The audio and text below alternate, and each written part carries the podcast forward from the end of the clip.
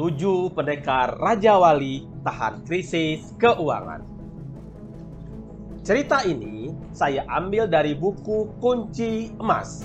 Rahasia sukses untuk membangun kekayaan dan kesejahteraan yang tulis dengan bahasa menarik oleh Elie Wiranaga seorang mantan salesman yang berkarir secara alamiah sehingga mencapai kesuksesan yang luar biasa. Settingnya terjadi saat krisis moneter 1998 di mana terjadi PHK, pemutusan hubungan kerja secara besar-besaran dan industri di Indonesia mengalami kelumpuhan luar biasa.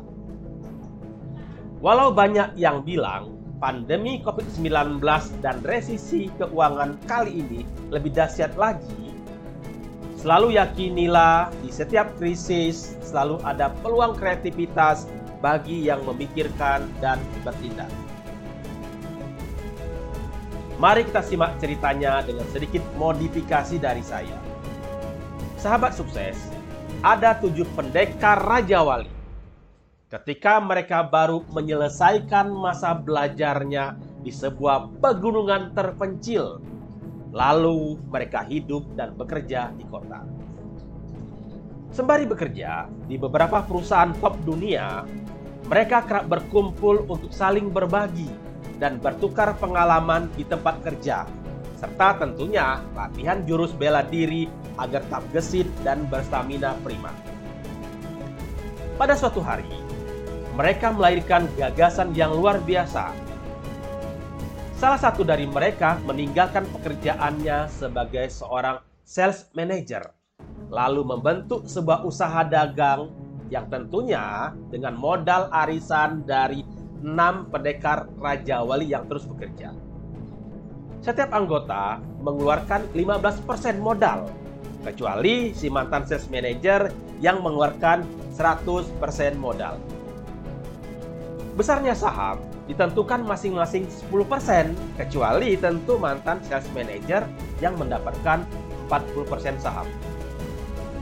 Sang mantan sales manager mendapatkan gaji di perusahaan tersebut sebesar 70%, lebih kecil 30% dari gaji dia sebelumnya. Singkat cerita, usaha dagang itu kemudian melangkah sukses besar dan meraih keuntungan pada tahun kedua. Sebelum meraih keuntungan di tahun kedua, perusahaan pertama ini tentu harus melewati yang namanya DVT, Dead Valley Trap, alias lembah kematian usaha. Ketika masa-masa DVT, seluruh biaya-biaya yang menyangkut keluarga pendekar pertama menjadi tanggungan enam pendekar lainnya agar pendekar pertama tetap fokus dan konsentrasi pada usaha dagangnya. Walau begitu, keluarga pendekar pertama ini tetap memiliki prinsip simplicity alias hidup semurah mungkin. Seiring berjalannya waktu, tujuh pendekar Raja Wali ini memutuskan sudah waktunya mereka membentuk perusahaan kedua dengan menunjuk teman berikutnya untuk membentuk sebuah perusahaan bahan kimia bagi kebutuhan industri tekstil. Pada saat itu, teman yang satu ini menduduki jabatan R&D, Research and Development, di sebuah perusahaan asing. Kesepakatannya sama dengan sebelumnya, yakni sang mantan R&D menerima saham sebesar 40% dan gaji sebesar 70% dari gaji sebelumnya.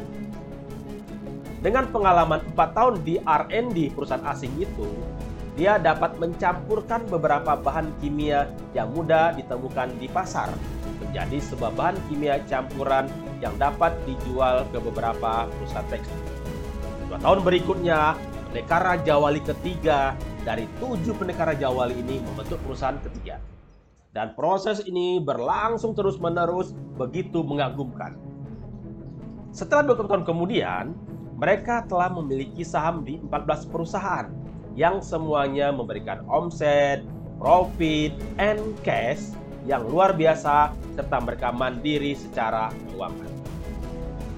Ketujuh pendekar Raja Wali itu saling memiliki, saling percaya, dan saling induk. Mereka tidak hanya berkomitmen untuk sukses di dunia saja, tetapi juga komitmen untuk sukses di akhirat. Apakah dalam perjalanan usahanya mereka tidak mengalami turbulensi keuangan dan kehidupan? Tentu saja, tetapi bagaimana meresponnya itu yang paling penting. Yang lebih penting lagi bukan ukuran besarnya perusahaan yang akan dibentuk, melainkan bagaimana perusahaan itu akan dijalankan. Siapa yang akan menjalankan? Apa pengalaman orang yang akan menjalankan?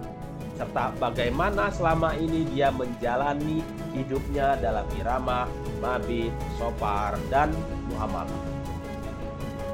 Selain itu, saya pribadi meyakini sukses bersama itu lebih mulia dan bermakna ketimbang sukses sendiri. Karena sukses sendiri itu namanya uji nyali. Jadi, bagaimana dengan kita hari ini? Saya, Ari Sol Putra, Managing Director Wellflow 19 Teknologi, founder DOI, Daya Optimasi Institute, motivator keuangan Indonesia. Terima kasih sahabat sudah menyaksikan video ini. Jika Anda setuju dengan pesan ini, silakan Anda subscribe, like, comment, and share.